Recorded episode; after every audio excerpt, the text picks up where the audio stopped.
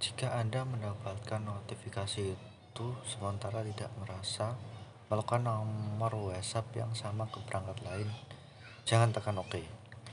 Sebaliknya, Anda harus tekan verifikasi agar akun WhatsApp tidak berpindah ke ponsel lain.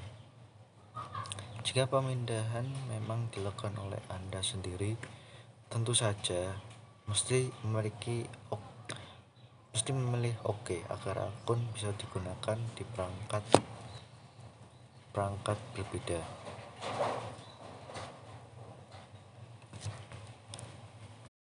Mengirim pesan yang tidak dikirim pengguna.